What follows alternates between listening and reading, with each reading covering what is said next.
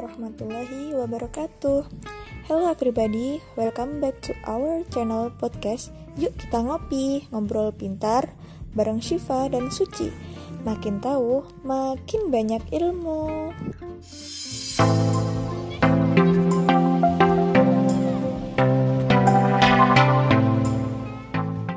Berjumpa lagi dengan kita audiopreneur mahasiswa PGSD Unisba Blitar dengan aku Sobat Suci dan akan ditemani oleh kawan aku Sobat Syifa. Kita berdua akan menemani sobat-sobat ngopi semua yang lagi stay di rumah aja dengan obrolan-obrolan seputar dunia pendidikan yang tentunya seru dan menambah wawasan juga. Jadi tetap stay tune ya sobat ngopi. Sebelum kita lanjut, Bagaimana nih kabar sobat ngopi semua? Semoga senantiasa diberikan kesehatan ya sobat.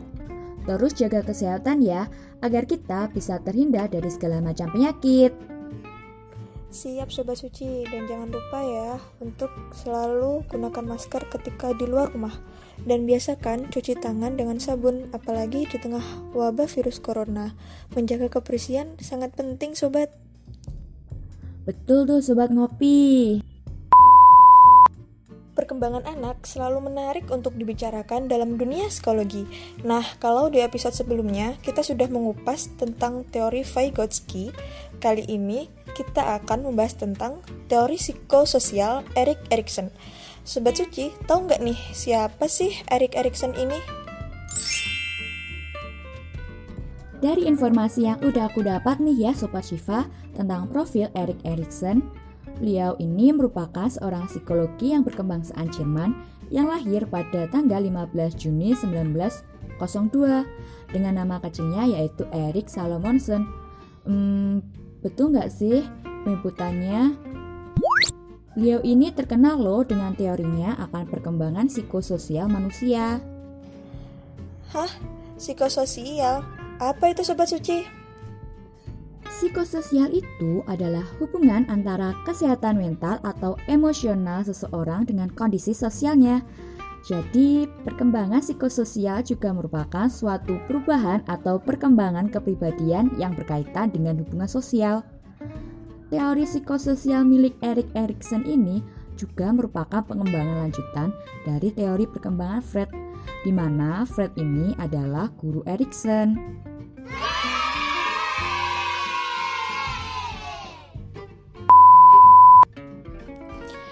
Oh, begitu ya ternyata.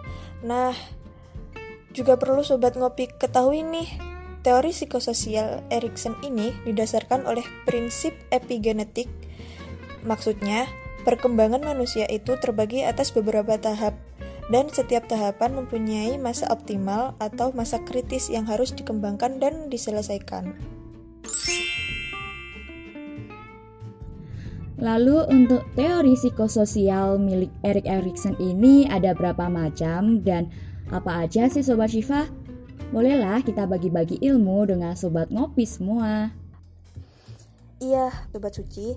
Pada teori perkembangan psikososial menurut Erik Erikson ini terdapat delapan tahap. Yang pertama, trust versus mistrust. Yang kedua, autonomy versus shame or doubt. Yang ketiga, inisiatif dan guild.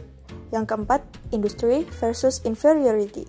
Yang kelima, identity versus roles confusion. Yang keenam, intimacy versus isolation. Yang ketujuh, generativity versus stagnation. Yang terakhir, integrity versus despair. Wah, banyak sekali ya tahapan yang ada pada teori psikososial Erik Erikson ini. Nah, kali ini kita akan mengajak kalian para sobat ngopi untuk mengupas teori psikososial Erikson pada tahap industri versus inferiority. Sobat Syifa, tolong dong jelasin tentang apa sih itu tahap industri versus inferiority ini? Oke, jadi Sobat Suci, dari beberapa media yang sudah aku baca, industri versus inferiority atau dalam bahasa Indonesia, tekun versus rasa rendah diri ini berlangsung antara usia 6 sampai 12 tahun, yaitu pada masa usia sekolah. Melalui interaksi sosial, anak mulai mengembangkan rasa bangga terhadap keberhasilan dan kemampuan mereka. Anak yang didukung oleh orang tua, guru, dan teman sebayanya dapat membangun rasa kompeten dan percaya dengan keterampilan yang dimilikinya. Sebaliknya nih sobat ngopi, jika anak sedikit atau sama sekali tidak mendapat atau tidak diberi dukungan, maka anak akan merasa ragu akan kemampuannya untuk berhasil atau inferior. Erikson yakin bahwa dalam tahap ini, guru memiliki peran penting dalam masa perkembangan ketekunan anak-anak.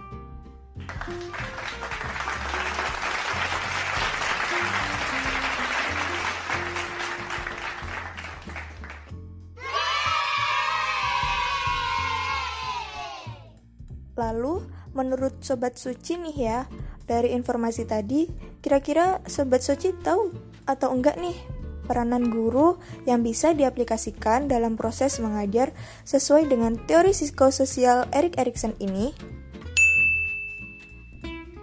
Dari yang aku dapat dari penjelasan Sobat Syifa tadi, peran guru yang bisa kita aplikasikan ke dalam proses belajar mengajar Terlebih dahulu, seorang guru harus bisa mengenali setiap karakter dari peserta didiknya dengan bentuk perilaku mereka yang bermacam-macam. Tetapi bagi sobat ngopi yang berencana menjadi guru, jangan khawatir dan jangan risau nih. Kita dapat mengembangkan kemampuan anak dengan menggunakan konsep dan strategi yang tepat. Dengan mempelajari psikologi pada anak akan mempermudah kita sebagai pendidik untuk memilih konsep dan strategi yang tepat memberikan fasilitas dan mendorong motivasi belajar, memberikan suasana belajar yang kondusif. Jika anak merasa bosan di dalam kelas, kita dapat mengajak mereka untuk belajar di luar kelas. Sebagai guru, kita harus menguasai bahan materi yang akan diajarkan. Mungkin sedikit banyak peran guru dalam mendukung perkembangan anak.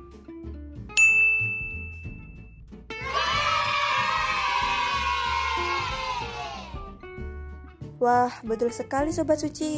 Peranan guru ketika mengajar itu tidak jauh dari memahami karakter anak terlebih dahulu, agar kita sebagai seorang guru bisa menyikapi bentuk perilaku peserta didik dengan baik. Iya kan Sobat Suci? Yap, betul sekali Sobat Syifa. Oke, terima kasih ya Sobat Suci dengan informasi-informasi yang sudah diberikan di episode podcast kita kali ini. Semoga pembahasan kita kali ini bisa bermanfaat bagi sobat-sobat ngopi semua. Sudah nggak kerasa nih ya, obrolan kita kali ini cukup sampai di sini dulu.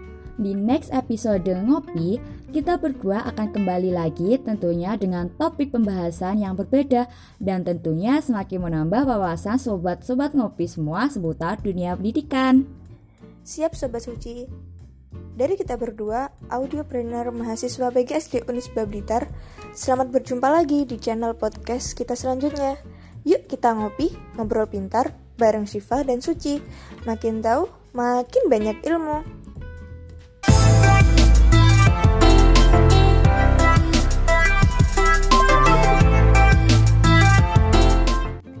Selalu jaga kesehatan ya sobat dan tetap stay di rumah aja. Selamat berjumpa lagi di next episode Ngopi dan selamat menunaikan ibadah puasa bagi yang menjalankan. Salam sayang dari kita berdua. Wassalamualaikum warahmatullahi wabarakatuh.